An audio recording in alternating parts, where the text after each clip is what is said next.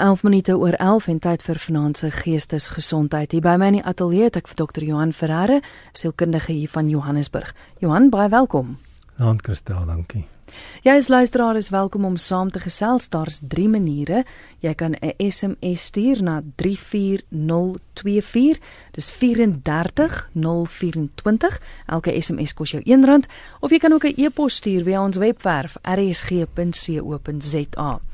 Alternatiefelik kan jy skakel ateljee toe 089 1104553. Dis 089 1104553. Vanaand gesels ons oor obsessief-kompulsiewe verstoring. Johan, ek dink baie mense ken dit as OCD. Dit is maar die af afkorting daarvoor, ja. Wat is dit? Weet jy dis 'n angsversteuring. So dit begin by mense wat herhalende gedagtes koester oor een of ander onderwerp en dit veroorsaak vir hulle 'n um, hoë vlak van angs, vrees, negatiewe afwagting. Hulle besef gewoonlik dat hierdie hierdie herhalende gedagtes um irrasioneel van aard is en omdat hulle dan besef dat ander mense dalk vreemd daarna mag kyk, maak dit natuurlik net hulle angs nog hoër. Wat ons baie keer ook sien is dat daar dan vanuit hierdie gedagteprosesse uit herhalende obsessiewe gedrag dan te voorskyn tree wat die persoon help om die die hoë vlak van angs wat hulle beleef minder te maak. So hulle sal sekere gedrag oor en oor en oor openbaar. Ehm um, sommige mense was obsessief hulle hande omdat hulle 'n uh, higiëne obsessie het of hulle hou aan om sekere ehm um, ritualistiese gedrag te openbaar. Hulle maak byvoorbeeld 'n deur 3 keer oop voordat hulle deurloop. Nou daai gedrag is maar daarop ingestel om die herhalende gedagte en die hoeveelheid angs wat die persoon voel dan minder te maak. So dit begin altyd met die gedagte, die herhalende gedagte en dit word dan omgesit in die handeling. Dis reg. Dit dit begin maar by 'n by 'n gedagteproses wat in 'n geslote baan vashak en dan voel dit vir die persoon hulle rapporteer dat dit voel asof hulle nie van uit daai herhalende patroon kan uitkom nie. Dis nou angs, 'n angsversteuring. Moet daar iets in jou lewe gebeur wat dit veroorsaak of is dit iets waarmee jy gebore word? Is dit oor erflik? Waar kom dit vandaan? Kyk, die navorsing wys dat daar maar 'n verskeidenheid van oorsake in iemand se lewe kan wees. Iemand wat deur 'n spesifieke trauma gegaan het, wat dan hierdie obsessiewe gedrag gebruik om hulle trauma te verwerk. So ehm um, die gedrag is nie noodwendig gekoppel aan dit wat gebeur het nie, maar die persoon maak 'n 'n koneksie in hulle eie bewussyn en dan elke keer wat hulle die gedrag openbaar, dan verminder dit hulle angs in terme van die trauma wat met hulle gebeur het. So dit hoef glad nie logies te wees nie. Meeste van hierdie tipe van gedrag is nie logies beredeneerbaar nie en ons kan nie noodwendige logiese koneksie vind nie. Ons weet wel dat dit die persoon se angsvlakke dan verminder. Hmm. Nou goed, ek weet soms kan dit baie subtiel wees. Want ek weet dikwels probeer hulle dit juis wegsteek sodat niemand weet nie. Ja, kyk dit is 'n uh, ehm um, dis gedrag wat baie keer in die privaatheid gebeur totdat dit eskaleer en en al hoe erger word en uiteindelik die persoon se effektiwiteit in terme van hulle werk of hulle studies of hulle verhouding so nadelig beïnvloed dat dit dan sigbaar word. So om uiteindelik te diagnoseer moet die die effektiwiteitsvlak van die persoon moet negatief belemmer word. Jy kan uiteindelik nie meer effektief jou werk doen nie. Jy raak so vasgevang in perfeksionisme byvoorbeeld dat alles presies reg moet wees dat jy nie meer fokus op die produktiwiteit van jou werk nie, maar op die presisheid daarvan.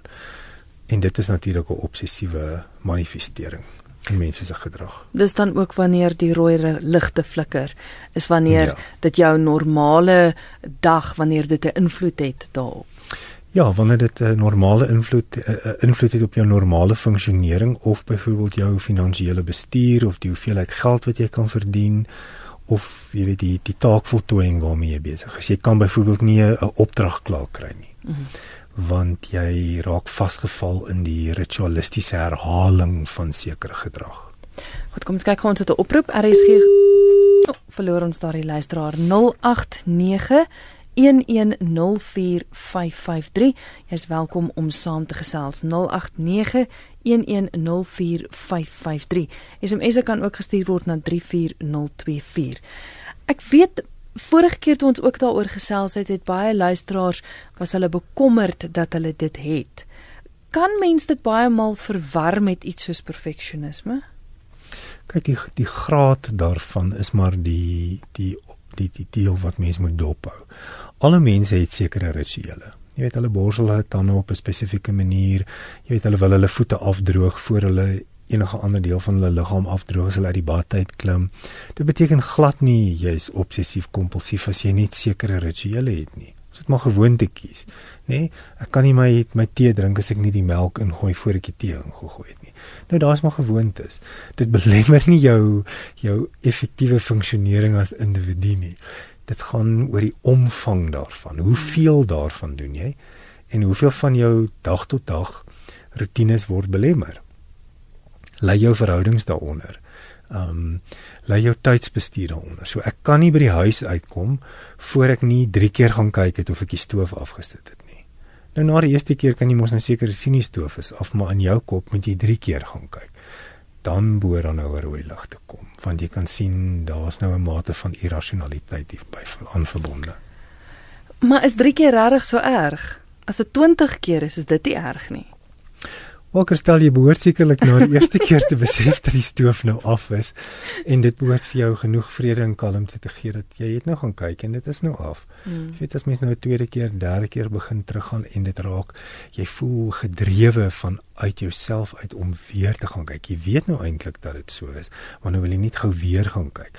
Daar is die begintekens dat daar 'n moontlike probleem kan wees. Die feit dat jy jouself nie kan keer nie, jy moet dit doen. Jy moet dit doen. Jy mm. beleef 'n kompulsie nê? Nee? So daar's 'n oormatige toewyding aan 'n spesifieke taak. Mm. Ehm um, dit dit is net nie effektief nie.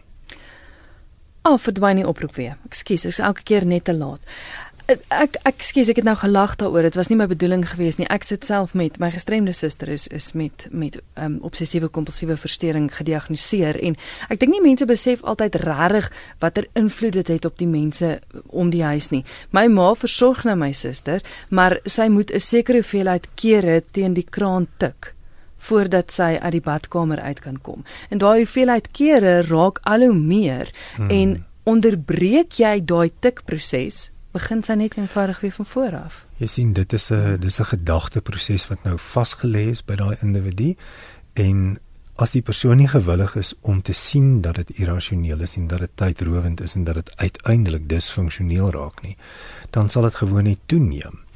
En dit dit versprei dan na ander dele van jou lewe toe. So dit dit bly nie in beperkte dele van jou lewe as dit onbehandeld gelaat word nie.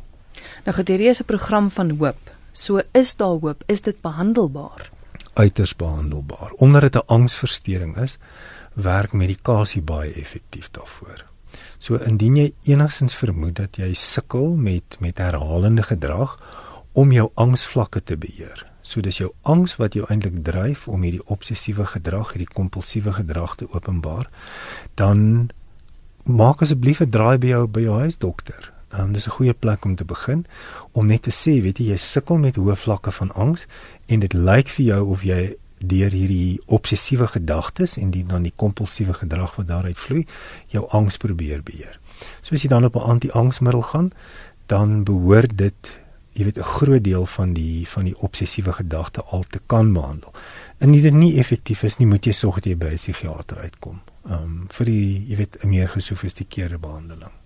Ek kan nie onthou of jy vroeër geantwoord het nie. Is dit oordraagbaar? Is is dit 'n genetiese toestand? Daar's daar's tekens daarvan dat dit ehm um, dat dit definitief ehm um, oorerflik is. So daar jy weet ehm um, dit dit kom voor in sekere familielyne. Maar dan jy weet soos ander psigiatriese verskynsels kan dit aangeleer word. Dit kan deur trauma veroorsaak word. Ehm um, so net omdat iemand in jou familie dit het, beteken nie noodwendig dat jy dit gaan kry nie. Ehm um, dit kan maar latent wees en dit skakel dalk net nooit aan by 'n individu nie. Maar in sekere gesinne kan jy mos nou duidelik sien dat perfeksionisme byvoorbeeld 'n 'n karaktereienskap is. En as die perfeksionisme dan te ver gaan, dan word dit, jy weet, kompulsief en obsessief. Ehm um, om byvoorbeeld niks weg te gooi nie. Om artikels van geen noemenswaardige waarde te versamel en 'n onvermoë hê om enigiets weg te gooi. Dit is deel van van obsessief kompulsiewe verstoring. Ja, ek dink mense ken dit as hoarding. Ons het nou uitgevind die Afrikaanse woord vir hoarding is skutting. Skutting. Ja, ja, dis 'n dis 'n moeilike nuwe Afrikaanse woord vir die wat hom nie ken nie. Maar dis wanneer jy net nie iets kan weggooi nie. So jy versamel koerante en boeke en um houers waarin kos gekom het en dit het nie dit het nie finansiële waarde om hierdie artikels te hou nie. Jy het net 'n onvermoë om daarvan ontslae te raak. So dit neem nader aan jou hele huis oor. Mm. Um so daar's 'n sterk sterk element van obsessiwiteit daarmee betrokke. RSG goeienaand. RSG goeienaand. RSG goeienaand. Goeienaand Christel. Dit is ja? uh, Adrian van Colini. Ja, Adrian man uh, uh, kristal man ek het 'n probleem man. Ek is ek leef in 'n trauma en uh, ek word baie kwaad en ek kan dit nie uh, baie hanteer nie. Vir al as jy met my speel persoon respek uh, voel dan dan moet by argument nie aan in in dit goed wat op my fisiek by hele stelsel werk. En as gevolg daarvan kom ek agter my sug ehm um, uh word al sokker en al sokker en uh, wat kan uh, wat kan ek doen om dit uh, om dit te vermy dat dit nie so erg op my werk nie? Kan uh, die uh, die kundige vir my uh, die uh, wat is my verduidelik wat moet ek doen om dit te vermy en wat hoe moet ek dit hanteer? Goed Adrian gaan jy oh, dag het hy. Johan Kon jy duidelik hoor? Ek kon nie duidelik hoor nie. Ek ek het afgelei dat die persoon sukkel met met stres en dit klink vir my of hy dan baie kwaad ja. word met eksplosiwiteit sukkel en hy voel nou dat dit nou sy uiteindelik manifesteer dat sy sig minder word. So wat ek wat ek hoor is dat dit klink vir my na na jy weet onverwerkte stres. Die die persoon beleef hoë vlakke van van frustrasie moontlik met 'n sekere konteks van sy lewe met mense en dit manifesteer nou in terme van sy emosies eerstens die die woede en dit la jy weet dit, dit tas nou die sensitiewe orgaan jy weet die oog ook aan. So wat ek sal voorstel is dat die persoon een of ander hanteringsmeganisme moet ontwikkel om om hierdie hoë vlakke van stres te kan hanteer jy weet. As dit iemand in sy lewe is wat wat vir hom so pla en jy weet wat wat hom konstant uitdaag, dan moet mens maar effektiewe grense aanleer. Jy weet om hierdie persoon dalk nie so na aan jou toe te laat nie. Ehm um, jy weet dit kan, dit kan 'n werkskonteks wees waarin hy te veel stres het, daar word dalk iets van hom verwag wat hy nie moontlik kan doen nie. Of daar's te veel wat hy moet doen.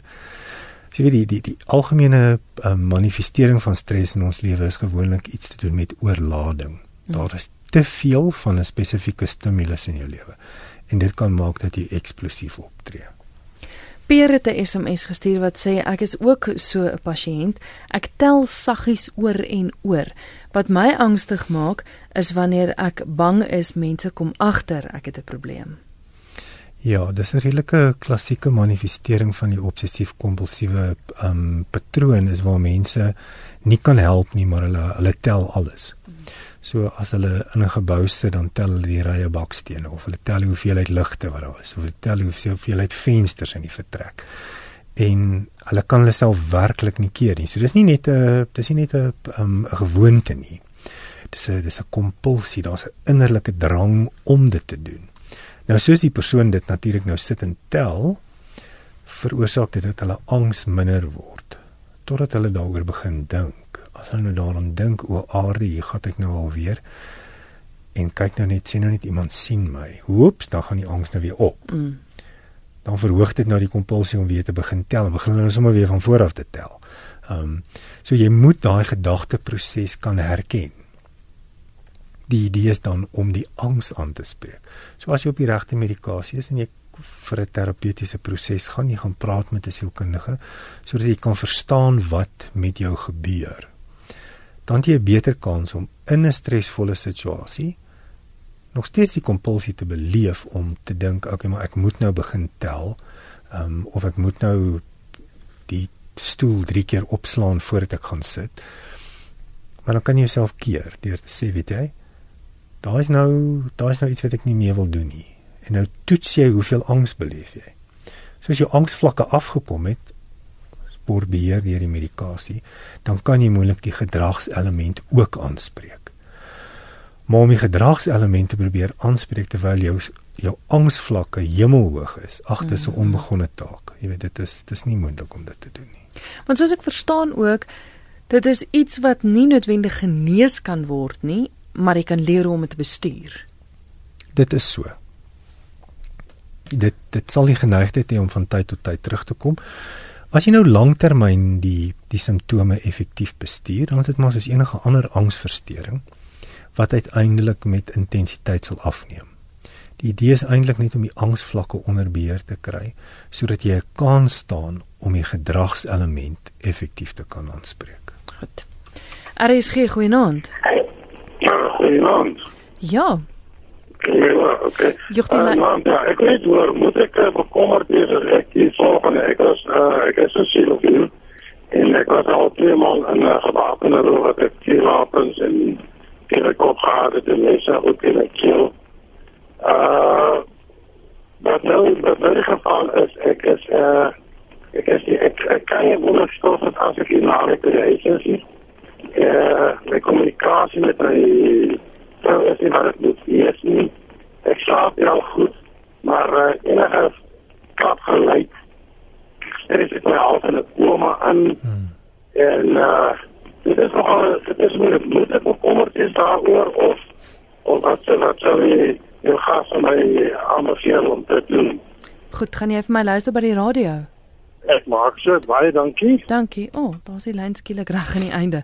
Ehm um, raad vir die luisteraar. Ja. Ja, jy kan jy kan hoor dat hy jy weet 'n 'n posttraumatiese stresversteuring ontwikkel het. Ehm um, negatiewe gebeure het plaasgevind en hy herleef nou sekere van die simptome en hy jy weet hy hy is hy's heeltemal nog opgewek deur die ervaring. So enigiets wat hom herinner aan die ervaring, 'n harde geluid of 'n sekere sensasie of iets wat in die hoek van sy oog gebeur, laat hom subjektief die situasie weer herleef. So dan skrik hy of hy's kwaad of hy's moeilik. Ehm um, angsvlakke is baie hoog, hy kan selfs depressief raak. So ek wil regtig voorstel dat hy dat hy by 'n beraader of by 'n sielkundige 'n uh, traumaberader uitkom wat net een of twee keer um met hom kan gesels oor die inhoud, net om dit te eksternaliseer, jy weet om dit uit te kry. Mm -hmm. Dit help baie keer om dit uit te praat, om terug te gaan na die gebeurtenis toe en net net die emosies te gaan beleef, jy weet. Ons moet deur die pyn gaan om oor dit te kan kom.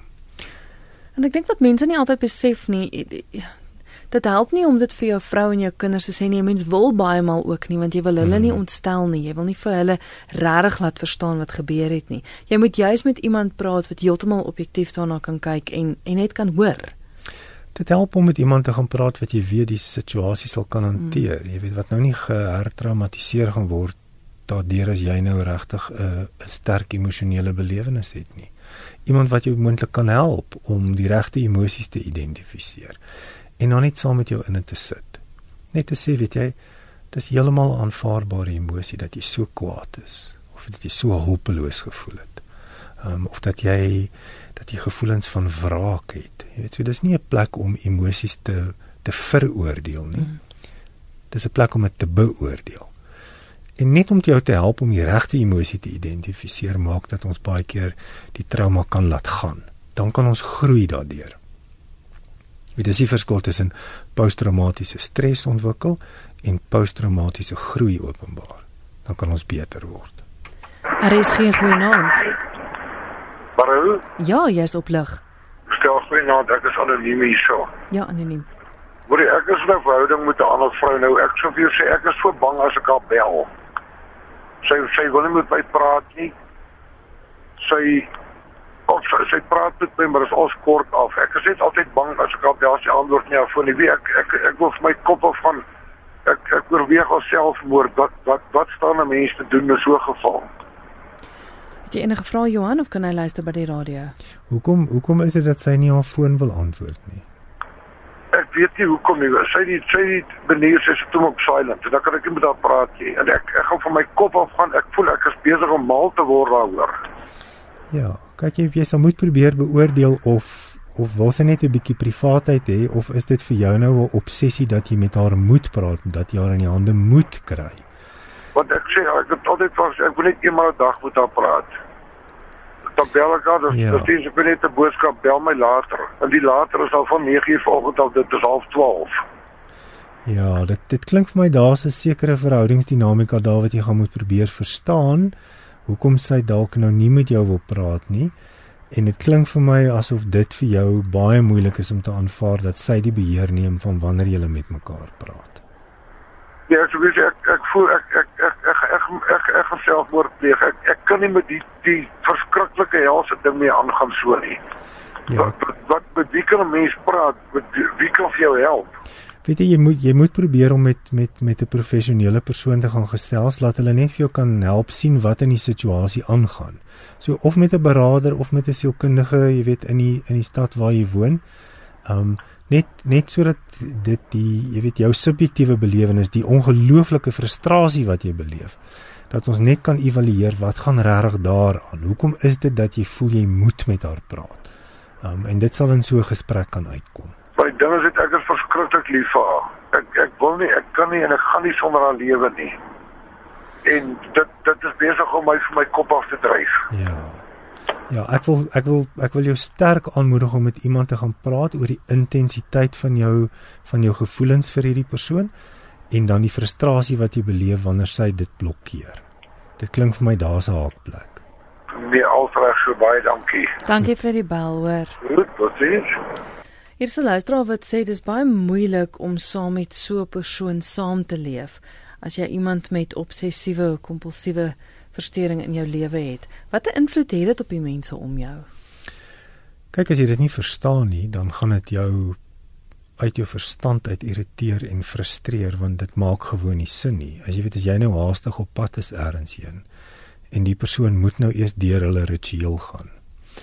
Of die persoon is so perfeksionisties, weet jy, ons nooi nou vir skoonma vir middagete, maar ons kom nie klaar nie want dit moet absoluut perfek wees en dit veroorsaak soveel stres en spanning van die sosiale verhoudings lê nou daaronder. Jy weet so dit gaan oor 'n um oor 'n onbuigsaamheid by die persoon wat met die wat die met die verstoring sukkel. En dit lyk vir die mense wat daarna kyk asof dit nou net sommer aspris is. Jy weet dit maak geen sin dat jy dit nou so moet doen nie waar hierdie persoon dan heeltemal irrasioneel kan raak en geweldige hoë angsvlakke kan hê en baie keer aggressief kan optree as jy hulle nou dwing om hulle ritueel te verander. Dit kan ook baie keer daaroor gaan dat die persoon sterk beheer uitoefen. Mense wat geweldig suinig is byvoorbeeld. Ehm um, jy weet maar obsessief suinig. So hulle belemmer die kwaliteit van hulle en hulle gesin se lewe onnodiglik. Baie keer, jy weet, is dit ook 'n manifestering van van obsessiewe gedrag. Andre het nou 'n SMS gestuur wat sê ek skrik nou vreeslik vir julle. Ek tel ook die ligte in die vensters in die kerk. Ek het nie gedink dis 'n probleem nie. Moet ek 'n dokter gaan sien? Nee. As dit die as dit die enigste ding is wat jy doen, dan dan is jy nog redelik veilig. Jy weet as jy in die kerk die die ligte in die venster stel dan stel jy dalk net jy weet besonder belang in argitektuur of in simmetrie of En in nee in wat die predikant sê nie. daar is dalk 'n moontlike uh, mate van verveling daar ook.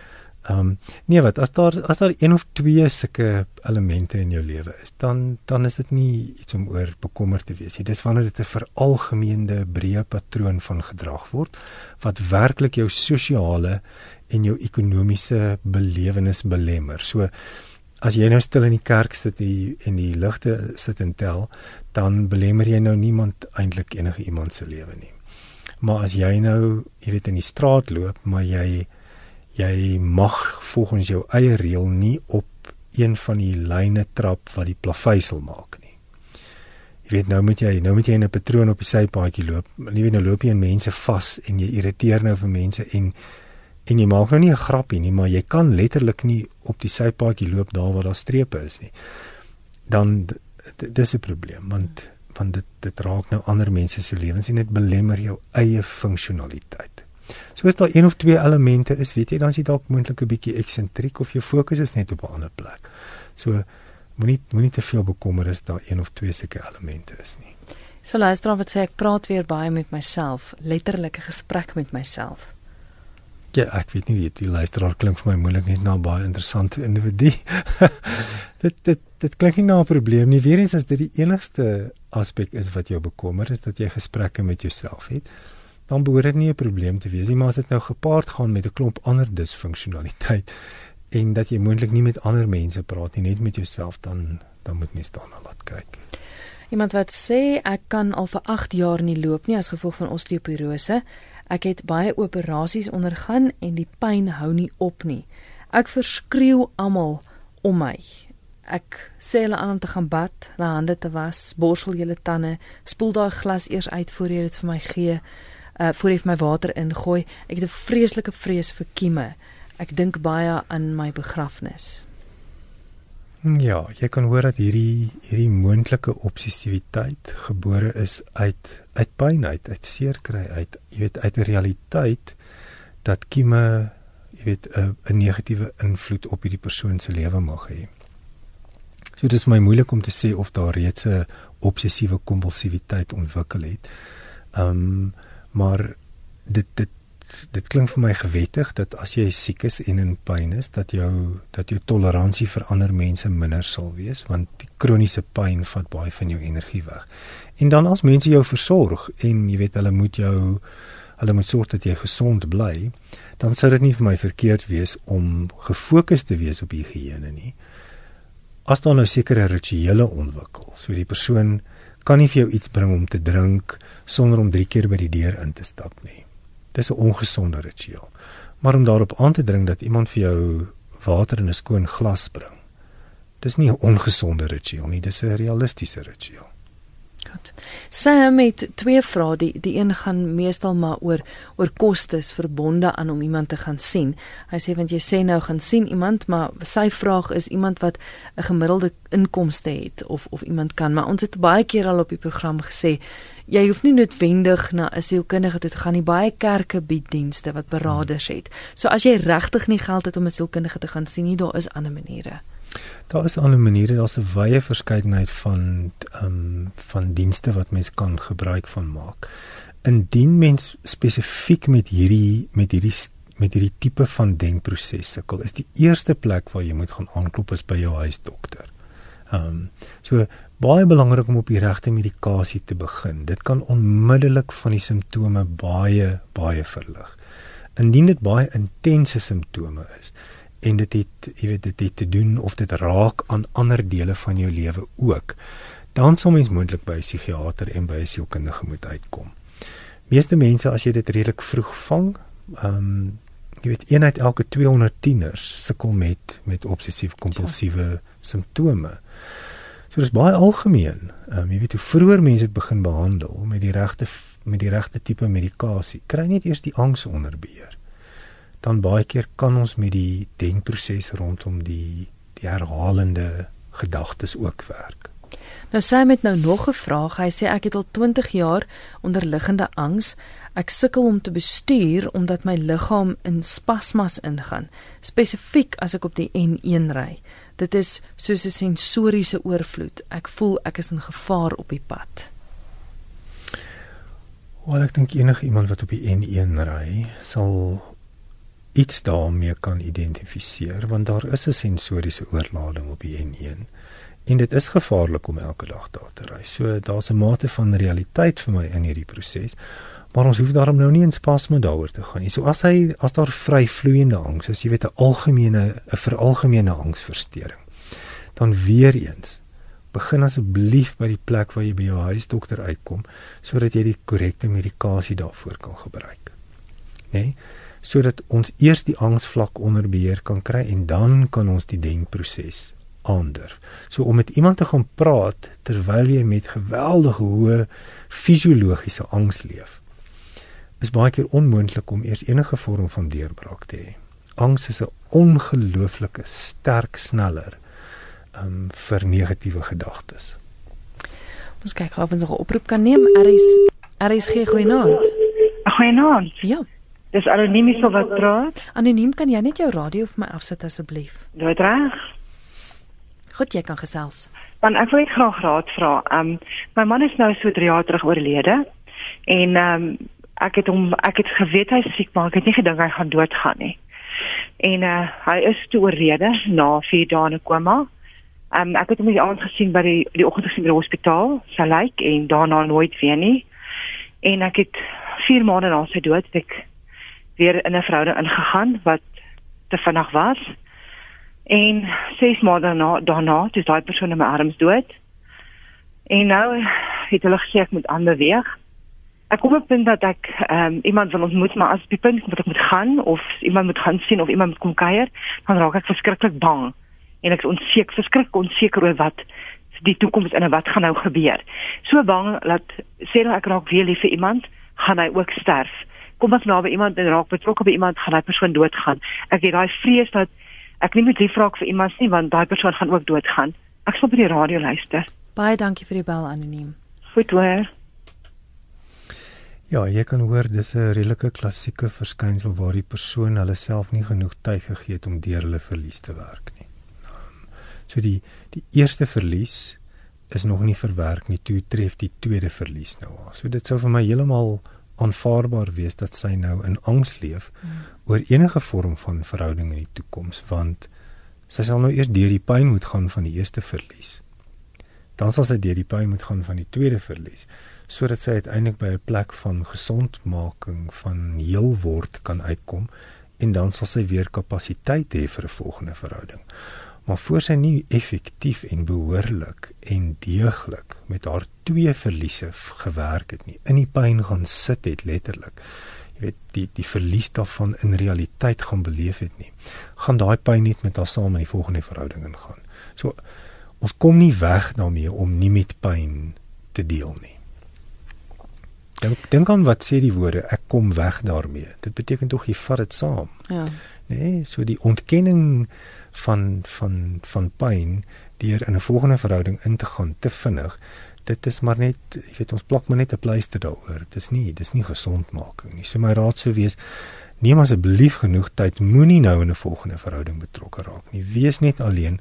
Gaan deur 'n rouproses, 'n diep diep betekenisvolle rouproses van die twee groot verliese wat jy in jou lewe gehad het. Wanneer jy dan uiteindelik daarmee klaar is en jy is nou eers weer gesond, dan sê jy sien jy sal nie vrees hê vir 'n volgende verhouding nie, want jy sal deur jou verlies gewerk het. Wonderlik. SMS wat gestuur is na 34024 Dis 34024. Hy kos jou R1.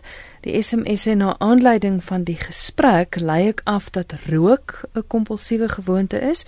Hoe hanteer 'n mens die die mind switch om uit die gewoonte uit te kom? Dis Mart wat so vra. Man, rook is nie noodwendig 'n kompulsiewe versteuring nie, rook is 'n verslawing. So, nee, dit is iets a, anders. Ja, dit is iets anders. Dit is 'n dis 'n fisiologiese verslawing. Die die liggaam raak verslaaf aan die aan die middel wat in die in die substans is, um, die nikotien in die geval van rook. So dis herhalende gedrag wat te doen het met verslawing. Ehm um, dit is nie noodwendig kompulsiewe gedrag nie. Hele klomp SMS'e wat nog deurgekom het. Kom ons vat gou nog 'n oproep. RSG goeienaand. Hallo. RSG goeienaand. Goeienaand. Ja. Kan jy jou radio afsit asseblief? Dit is Chris van Richards Bay. Ja, Chris. Ek was aangerand op die Victoria Stars en beboet agtergelaat. Nou slaap ek net 2 ure 'n nag en ek is onder medikasie. Hoe kan u my help? Ek luister by die radio. Goed, dankie kyk dit vat gewoonlik baie lank om deur so trauma um te verwerk. Dit klink nie vir my dit was net, jy weet, dit was nie iets kleins wat met hom gebeur het nie. Die die medikasie is baie belangrik want dit moet ons help om net eers deur die initiële fases van die trauma te gaan. Maar dan moet 'n terapeutiese proses in werking tree waar die persoon baie deeglik en volledig teruggaan na die trauma toe, deur die trauma werk, sodat jy op die ou uiteinde by die ander kant kan uitkom waar jy kan aanvaar dat dit met my gebeur het. So daar's nie ontkenning of miskenning daarvan nie. Dat dit deel van my storie is, dis deel van my geskiedenis. Dan moet ek begin met 'n proses van vergifnis om die persoon wat dit aan my gedoen het te vergewe. Ek hoef nie met die persoon 'n gesprek te hê nie. Ek gaan deur die proses van vergifnis omdat ek daarvan ontslaaf word raak. En dan kan ek onthou dat dit met my gebeur het, maar ek beleef nie meer die emosionele pyn en die trauma daarvan nie. So jy kan hoor dis 'n dis 'n multidimensionele proses wat baie lank kan vat. En soms is daar baie werk wat moet gebeur en dan moet mens eers 'n bietjie tyd laat verbygaan en dan moet jy weer na die volgende vlak toe gaan. SMS wat deur gekom het, ek het 'n passie vir my werk. Ek is in die mediese veld. Baie het nou al vir my gesê my standaard is onbereik, maar ek voel ek moet die beste wees en doen. Is dit verkeerd? Medies het jy een kans.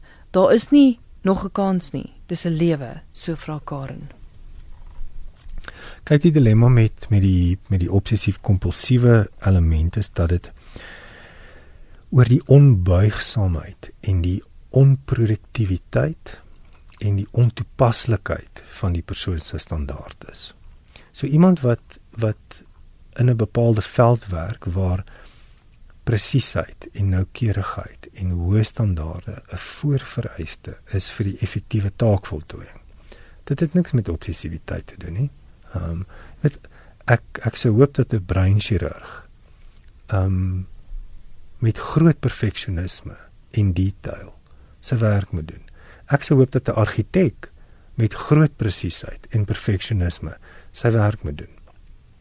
Ehm um, ek sou dink dat 'n dat 'n opera sanger met groot perfeksionisme en presisheid hulle werk moet doen want daar gaan dit oor die kleinste detail wat maak dat 'n produk of reg is of nie reg is nie of 'n proses voltooi kan word of nie. So die standaard waarvolgens jy leef het sekerlik te doen met die veld waarin jy werk.